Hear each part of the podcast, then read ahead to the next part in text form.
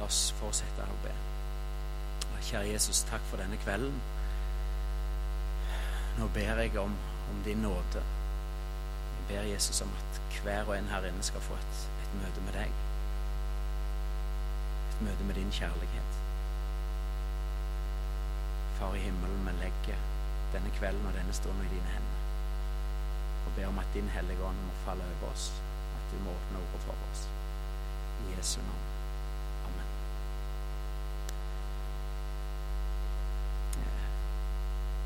Mennesket er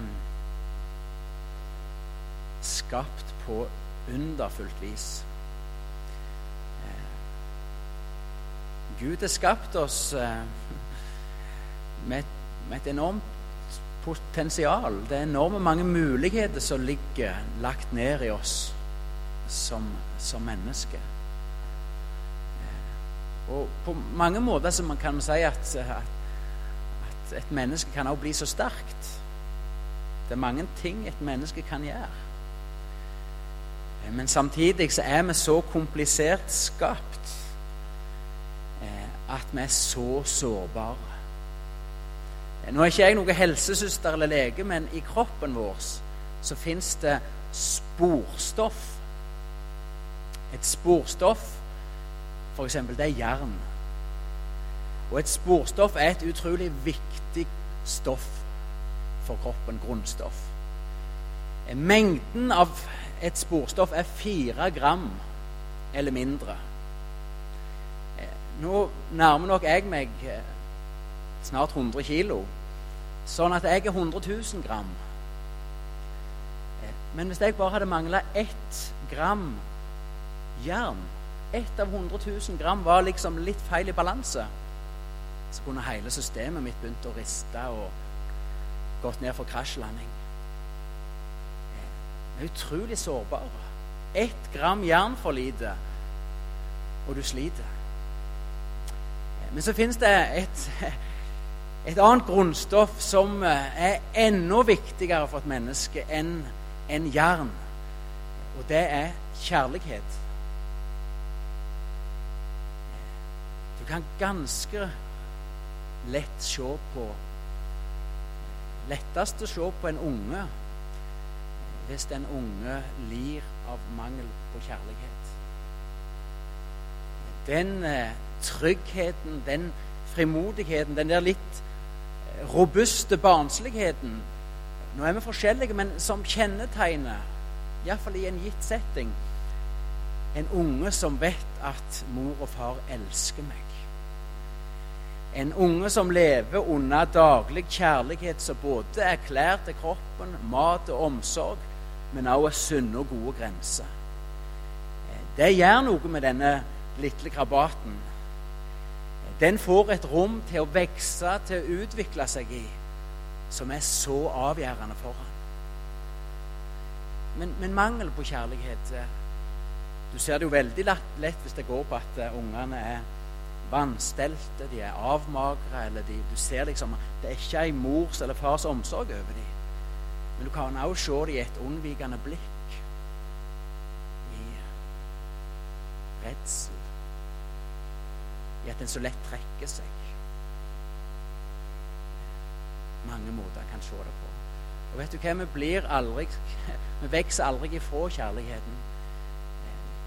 Hvis vi lever under mangel av kjærlighet, som er 17 eller 70, så kan det fortsatt prege livet vårt. Det er mange voksne som fortsatt prøver å bli best for å få anerkjennelse av far. En anerkjennelse de aldri fikk når de var små. Det er mange som er rastløse og jager gjennom livet for å bli noe, for å være noe. For å få en kjærlighet fra mor eller far som de aldri fikk. Kjærlighet er så avgjørende eh, for, for et menneskes vekst og utvikling. Eh, sånn er det også i kristenlivet. Det er avgjørende Det som avgjør vekst og modning.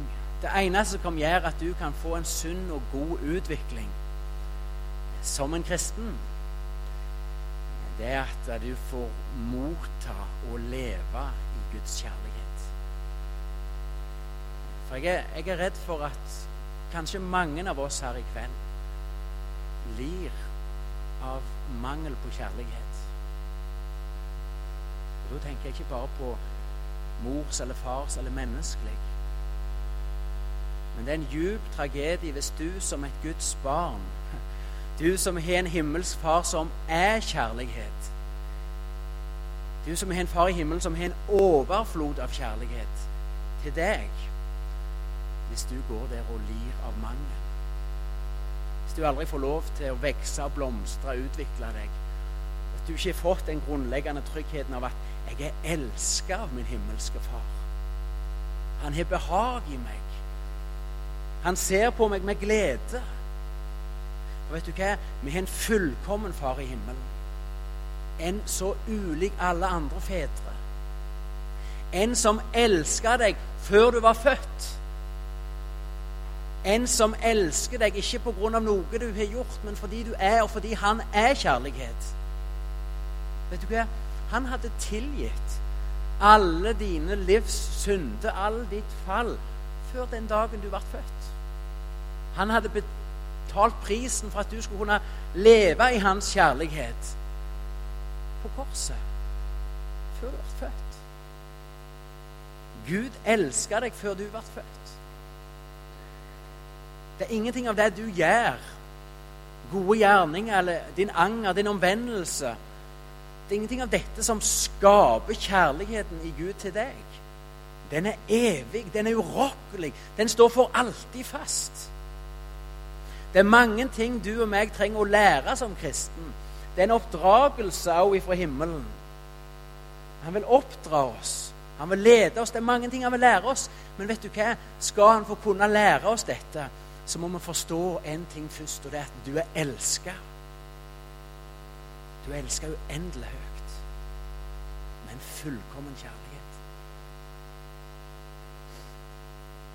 I går så delte jeg, eller dette bildet av den blommen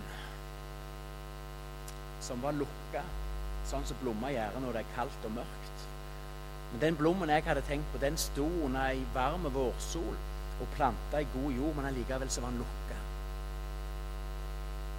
Og Sånn kan det òg være i ditt og mitt liv som kristen. Vi, har, vi, vi står planta i Guds nåde. Vi har Guds sol og lys med legedom og liv over våre liv. Men allikevel så kan kan vi li av mangel nettopp på denne kjærlighet, denne varme. Den som kan skape liv og forandring i oss. Og det er mitt, håp og min bønn for, for, denne kvelden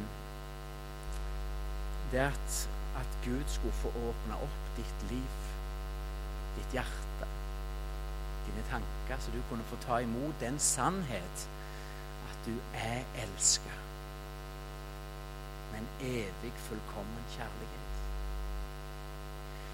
Paulus hadde ei bønn for Timoteus i 2. Timoteus kapittel 2 vers 1. Vær da sterk, mitt barn, ved nåden i Kristus Jesus. Vet du hva Det er styrke i kristenlivet. Det er ikke din og min styrke, men vet du hva? Det er det lov til å bli sterk i Guds kjærlighet. Til å bli trygg på Guds kjærlighet. For ut ifra tryggheten av at vi er elska, at vi åpner våre liv, for vi vet at gjennom alt som med oss skjer, så er Gud kjærlighet. Også når han tykte å stenge en vei som ikke var god. Han vil det beste. Da kan han få lov til å være din og min styrke. Vi skal lese en tekst ifra Lukas evangeliet, kapittel 15.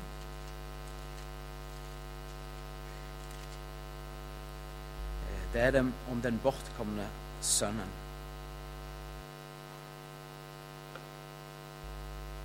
Jesus sa, en mann hadde to sønner. Den yngste sa til faren, 'Far, gi meg den delen av formuen som faller på meg.' Han skiftet da sin eiendom mellom dem. Ikke mange dager etter solgte den yngste sønnen alt sitt og dro til et land langt borte. Der sløste han bort formuen sin i et vilt liv. Men da han hadde satt alt over styr, kom det en svær hungersnød over landet, og han begynte å lide nød. Da gikk han og søkte tilhold hos en av innbyggerne der i landet, og mannen sendte ham ut på markene sine for å gjete svin. Da ønsket han Han ønsket bare å få mette seg med de belgfruktene som grisene åt, og ingen ga ham noe. Da kom han til seg selv og sa, Hvor mange leiekarer hjemme hos min far har ikke mat i overflod, mens jeg går her og sulter i hjel? Jeg vil bryte opp og gå til min far og si, Far, jeg har syndet mot himmelen og mot deg. Jeg fortjener ikke lenger å være sønnen din, men la meg få være som en av leiekarene dine. Dermed brøt han opp og dro hjem til faren. Da han ennå var langt borte, fikk faren se ham, og han fikk inderlig medfølelse med ham. Han løp sønnen i møte, kastet seg om halsen på ham og kysset ham. Sønnen sa, Far, jeg har syndet mot himmelen og mot deg. Jeg fortjener ikke lenger å være sønnen din. Men faren sa til tjenerne sine, Skynd dere, finn fram de fineste klærne og ta dem på ham. Gi ham ring på fingeren og sko på føttene, og hent gjøkalven og slakt dem, så vil vi spise og holde fest. For denne sønnen min var død og er blitt levende. Han var kommet bort og er funnet igjen. Og så begynte festen og gleden. Imens var den eldste sønnen ute på markene. Da han gikk hjemover og nærmet seg gården, hørte han spill og dans. Han ropte på en av karene og spurte hva som var på ferde. Din bror er kommet hjem, svarte han, og din far har slaktet gjøkalven fordi han har fått ham tilbake i god behold. Da ble han sint og ville ikke gå inn. Faren kom ut og prøvde å overtale ham, men han svarte faren. Her har jeg tjent deg i alle år, og aldri har jeg gjort imot ditt bud. Men meg har du ikke engang gitt et kje, så jeg kunne holde fest med vennene mine. Men straks denne sønnen din kommer hjem, han som har sløst bort pengene dine sammen med horer, da slakter du gjøkalven for ham. Faren sa til ham, Barnet mitt, du er alltid hos meg, og alt mitt er ditt.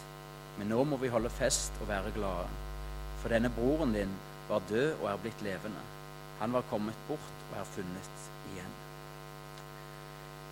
Denne yngste sønnen, han vil vekk. Han vil ha arven, han vil ha pengene nå. Og det han egentlig ene sier, det er far.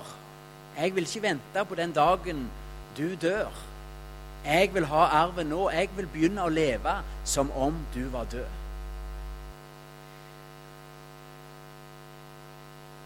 Jeg har ikke tenkt like sterkt på det, men jeg kan kjenne meg igjen i denne unge, unge mannen.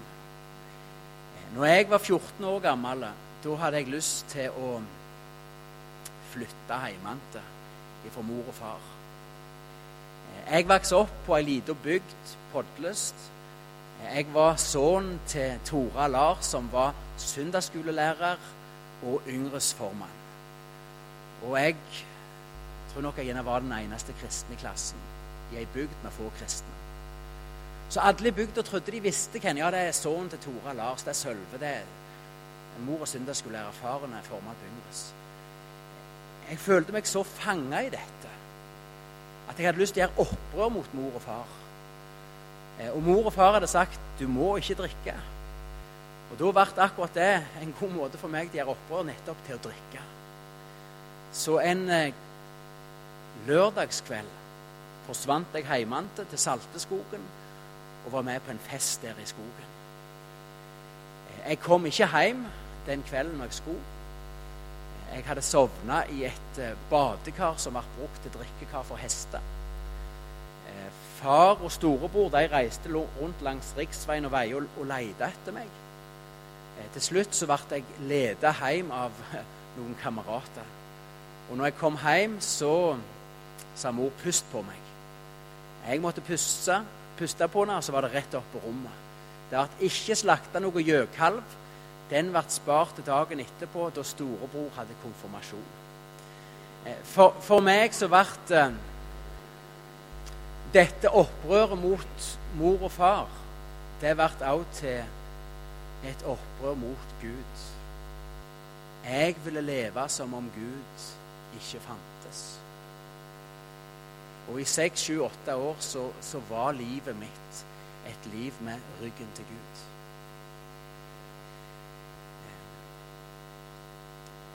Faren gir sønnen det han ber om. Sønnen som han elsker så høyt, får arven og reiser til et land langt vekke. Og Der står det at han sløste vekk pengene i et vilt liv.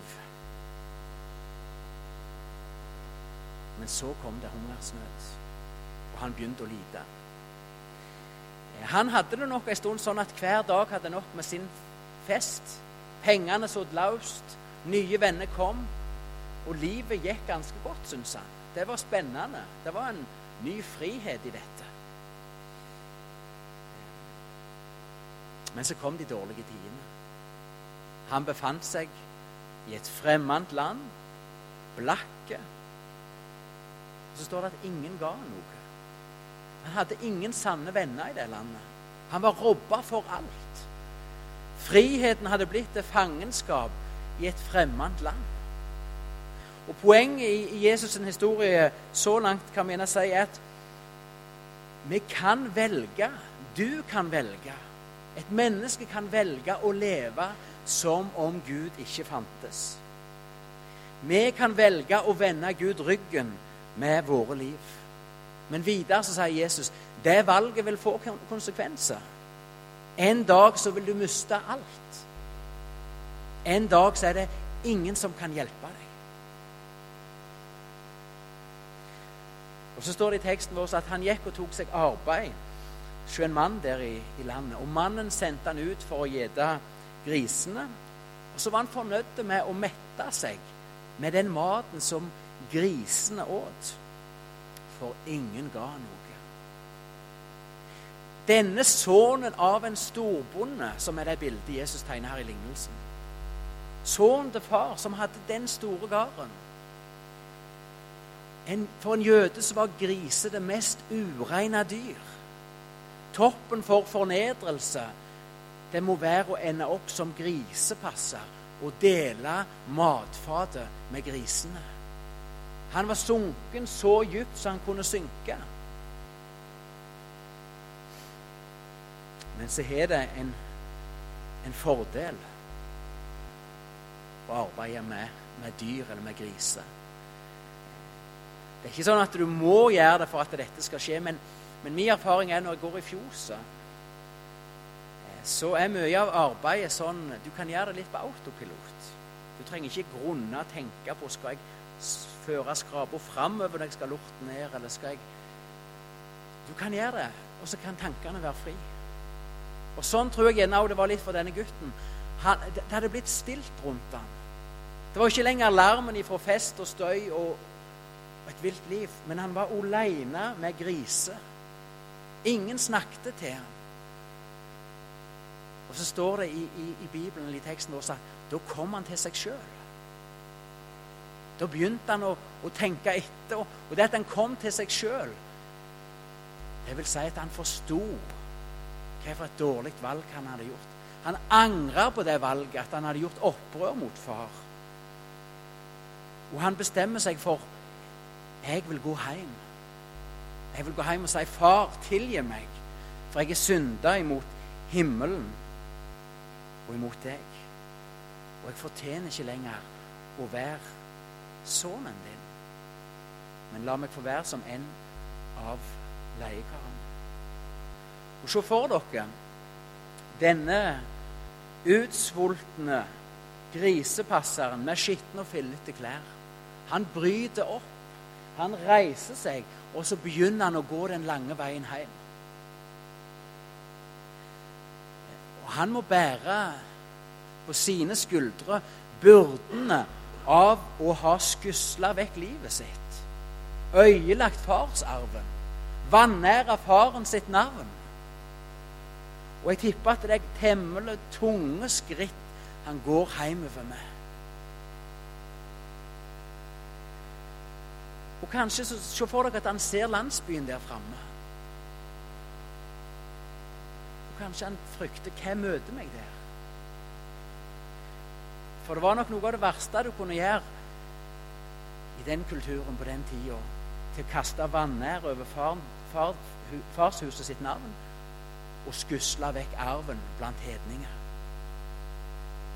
Hva om man måtte mobben i gatene først? Ja, da kunne det være gjort. At du våger å vise deg her etter så mange år. Etter det du har gjort mot farden. At du våger. Forbanna være den dag du ble født. Vi vil ikke se deg her. Og hvis noen tok den første steinen og heiv han, da visste han det. Da var det gjort. Da fikk han straffa der og da i gaten. Og Da Jesus fortalte denne historien til første gang, de visste alt om hva denne sønnen etter skikk og bruk skulle ha fått. Og kanskje tenkte de endelig skal han få som fortjent. Men det er da Jesus sier Når han ennå var langt vekke, så så faren han. Den første som så, faren, som så han, det var faren. Og han fikk inderlig medfølelse med han. Og han springer sønnen i møte, kaster seg om halsen på han og kysser han. Jeg syns det er utrolig sterkt. Faren står og speider. Han må ha venta og sett langs den vei sønnen forsvant. Og når han ser sønnen sin, så er det en sånn barmhjertighet og medfølelse, en godhet mot gutten hans, at han springer han i møte. Og det òg var uhørt. En adelsmann, en storbonde i Midtøsten på den tida Jesus fortalte historien, han skulle ikke springe. Han skulle gå seint med tyngde i skrittene. Nesten sånn som hvis dere sitter en John Wayne-film. Han har roen. Unger springer, tjenere springer. Men ikke en adelsmann. Men Jesus sier at Guds hjerte er så fullt av barmhjertighet og kjærlighet at når han ser et fortapt menneskebarn som vender hjem, som vil be om tilgivelse, så er Gud som denne faren som springer i møte. Som venter og har lengta etter denne dagen. Som tar inn i sine sterke armer, og som tilgir. Sønnen kommer med sin bekjennelse. 'Far, jeg er synda mot himmelen, mot deg.' Og faren tilgir der og da.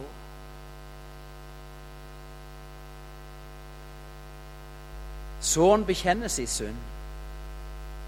Han får tilgivelse.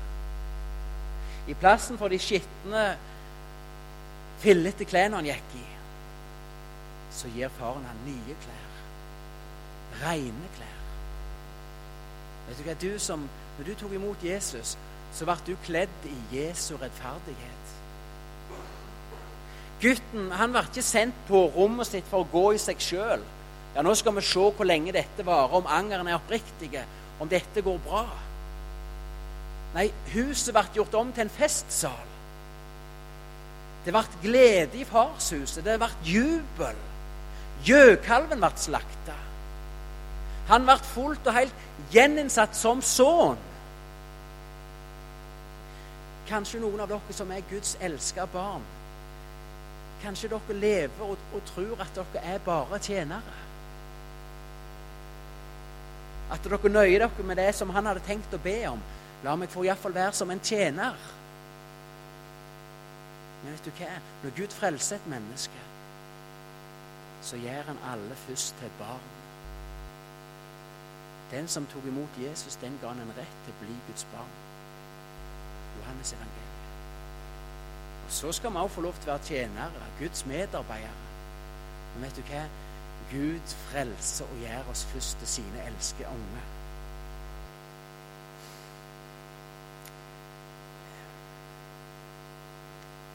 Jeg fikk lyst til å understreke dette litt i dag. Jeg vet ikke om du har en sånn tanke av Og, og kanskje noen her mest har forveksla den fullkomne himmelske faren med storebroren. Storebroren som er litt sånn avmålt og egentlig litt gretten over at han kom tilbake, han som hadde ødelagt livet og brukt opp pengene og levd med hore. Men vet du hva? Gud er en fullkommen far som elsker deg. Som har en lidenskapelig, evig, urokkelig kjærlighet mot deg. Det var ikke sånn at denne faren som Jesus beskriver i Lukas 15, det var ikke sånn at han så vidt gløtta opp fra aviser, og så så han den fortapte komme hjem, og så gå opp på rommet. Vi snakker mer om det du har gjort i morgen, men gå opp på rommet, så får vi se hvordan det skal gå framover. Han slo opp armene. Han elska gutten sin. For alt det som kunne skilje deg og meg fra Guds kjærlighet, vet du hva? det er vår synd. Det nagla Jesus til korset. Jesus har fjerna de og mi synd. I Gud så fins det tilgivelse for alt det galne du har gjort og kommer til å gjøre. Gud er barmhjertig mot deg på grunn av Jesus. Jesus sine armer som ble nagla til korset, de åpna farsarmene. Sånn at den far du lever med, den far som elsker deg, det er en lidenskapelig far. Og I Estefania 3, 17 så står det noe utrolig sterkt. Herren din Gud er hos deg, en helt som har makt til å frelse. Han gleder og fryder seg over deg og gir deg på ny sin kjærlighet. Han jubler over deg med fryd.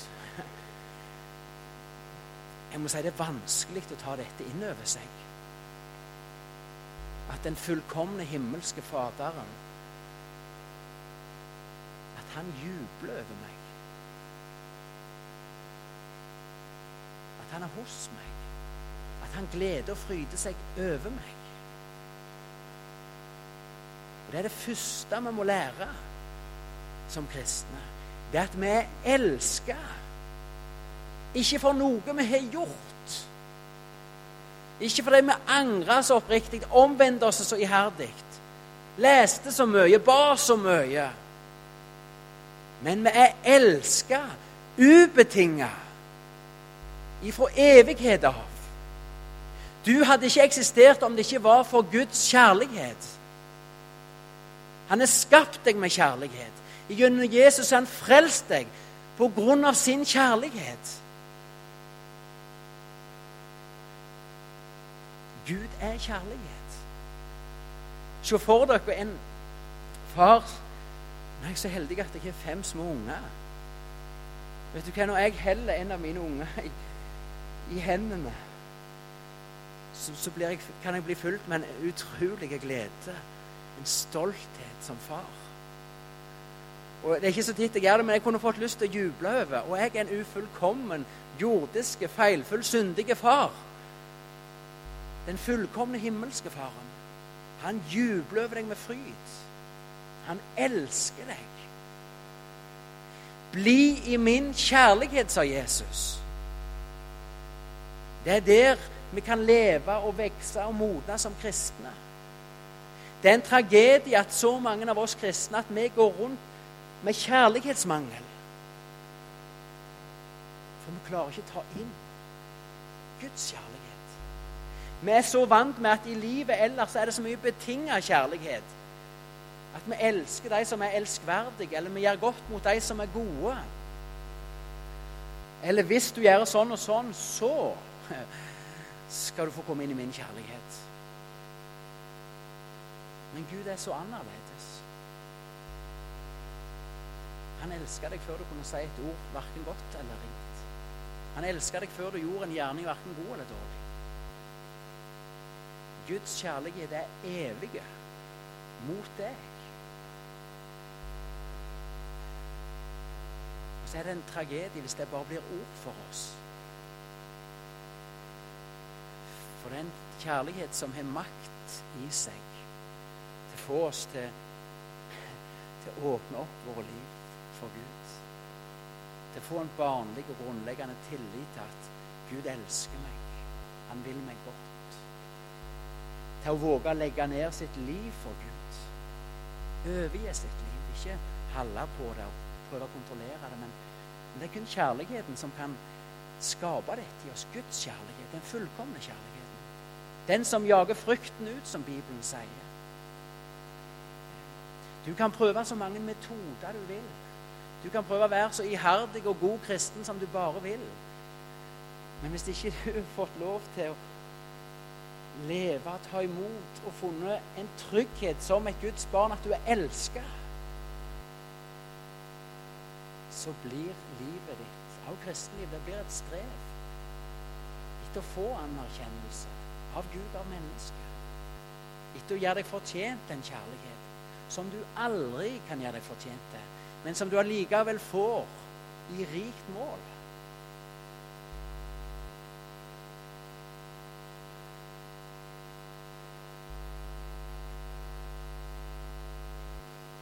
Jesus eh, fortsetter historien i Lukas 15, og så forteller han om, om sønnen som var hjemme. Det tror jeg nok òg kan, kan være et ord spesielt en del av oss i kveld. Denne sønnen som var hjemme, han hadde aldri gjort et ytre opprør mot faren. Han hadde trofast arbeid trofast arbeid på markene. Og kanskje det er, det, det er ditt liv. Du har alltid vært en del av et kristen fellesskap. Du har gått gradene fra søndagsskole, yngres, ungdomslag. Du har alltid vært med. Du har alltid kanskje også bidratt. Iallfall for du var så stor at du kunne få en forståelse av hva dette det bidrar var. Du er en arbeider for Gud.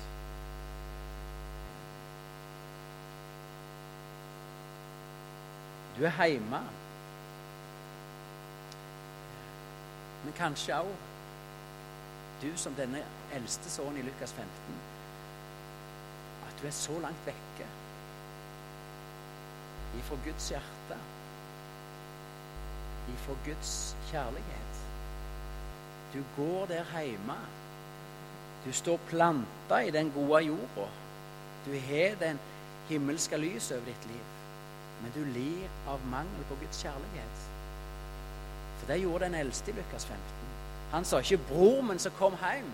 Fantastisk, han er frelst, men denne sønnen din Ikke bror min, men denne sønnen din. Han som er gjort store syndefar, hore, vilt liv. Og så fest. Det sklir helt ut. Dette kan ikke vare. Kanskje du har det litt sånn at, at ditt liv med Jesus, det er uten fest og glede. Uten den rikdommen som Bibelen også vitner om, fins med Guds bord også for dette liv.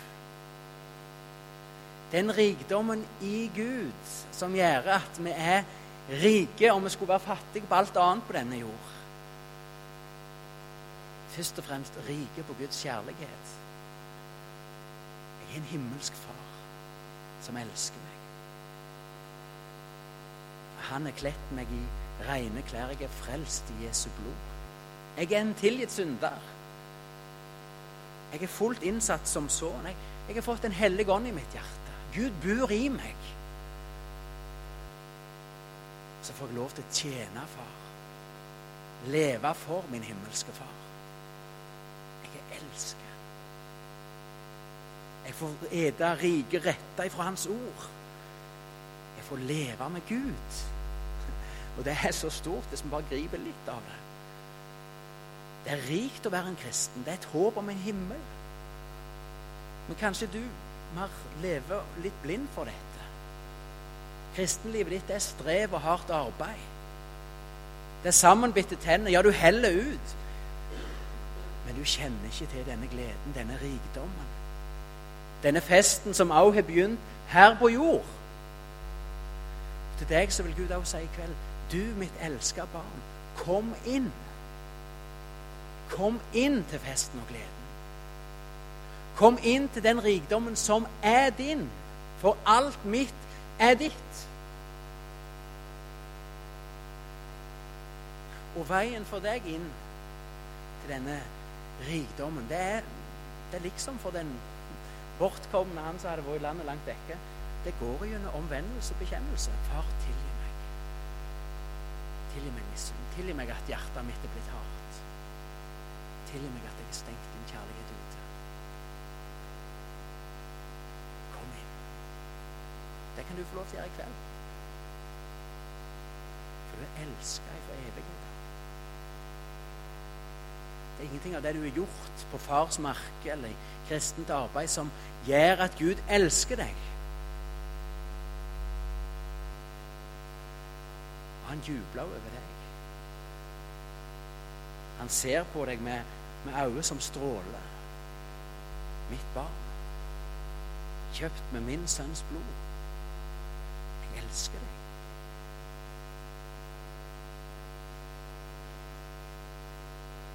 Hvor er du i denne historien? Lir du av mangel på Guds kjærlighet? Det er ikke nødvendig å li av denne alvorlige mangelsykdommen.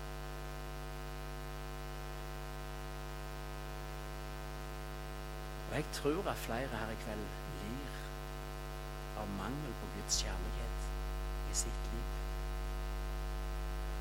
En tragedie å gå hjemme og være planta i Guds nåde og allikevel ha et liv som er lukka eller stengt.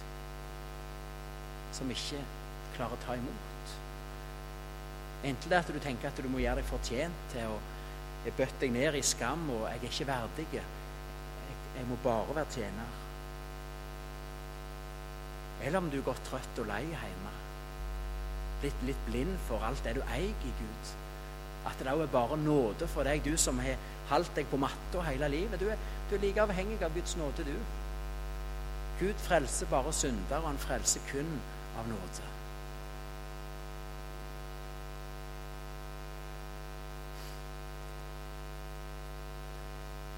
Guds kjærlighet kan være lett å avvise. For den kommer ofte på en sånn måte som vi ikke hadde venta det. Hva menneske hadde vel tenkt ut at Gud skulle frelse og vise sin kjærlighet på et kors? Det var utrolig mange som avviste det som Guds mektige frelsergjerning. Og Gud Guds veier og Guds vilje er ofte så annerledes enn til min og din vei og vilje. Guds kjærlighet kan komme til deg også som tukt og oppdragelse. Og Da kan det være fristende å svare med 'jeg vet best'-holdning og heller slenge igjen døra som en opprørsk tenåring. Guds kjærlighet kan komme som et lys som vil avsløre noe i ditt liv. Noe din himmelske far ser skader deg, ja, er farlig for deg. Avviser du det kjærlighetslys, det sannhetslys? Eller Guds kjærlighet kan komme som et stille kall til å komme inn, inn i stillhet. Inn i stillhet for Gud. Vær hos meg. Bli stille hos meg. Bli min kjærlighet. Bli mitt. Men kanskje du har det da så travelt, eller jeg, med alle de tingene vi skal nå eller gjøre, og gjerne til og med for Gud, at vi avviser den kjærlige invitasjonen til stillhet, til å bli berørt, til å bli fulgt opp av Guds kjærlighet.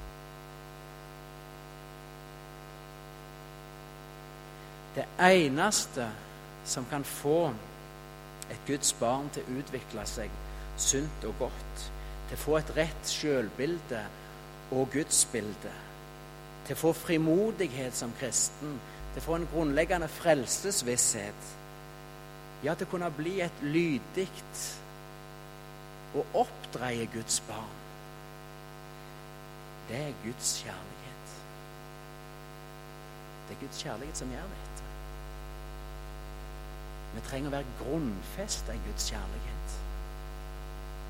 Det er fundamentet vi står og lever på og i. Og Hvis ikke dette er på plass i ditt liv, og det er bare nåde Gud må få åpne øynene dine så du ser hvor høyt du elsker, at du er i denne kjærligheten, at du kan hengi deg til denne kjærligheten, at du kan stole på Guds kjærlighet.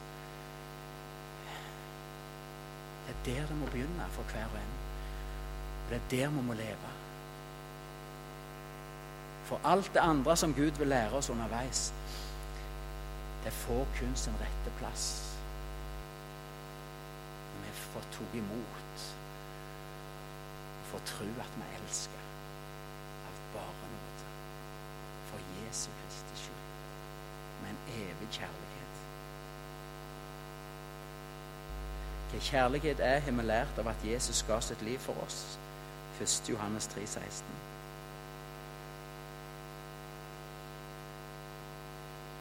Jeg har tenkt på en sang i dag. Jeg har en far. En far så ulik alle andre. En far som kjente meg før dagen jeg ble til. Han ser på meg. Om mitt liv er fullt av glede, eller om jeg strever for å helt forstå. Så dyp en kjærlighet. En fars hengivenhet utstilt på et kors. Den enorme farskjærlighet. En urokkelig farskjærlighet. Din himmelske far heter deg.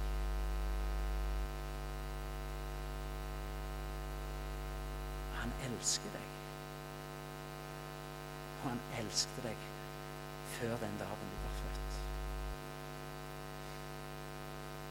La oss be. Kjære Jesus, jeg takker deg for at du har vist oss hva kjærlighet er. Og jeg takker deg for at vi kan få lov til å leve i denne helt ubeskrivelige kjærlighet. Denne evige, urokkelige, trofaste kjærligheten som både verner oss og frelser oss og tykter oss og oppdrar oss og varmer oss. Skaper nye ting i oss, Jesus. Jesus, du ser hvor lett vi vil gjøre oss fortjent.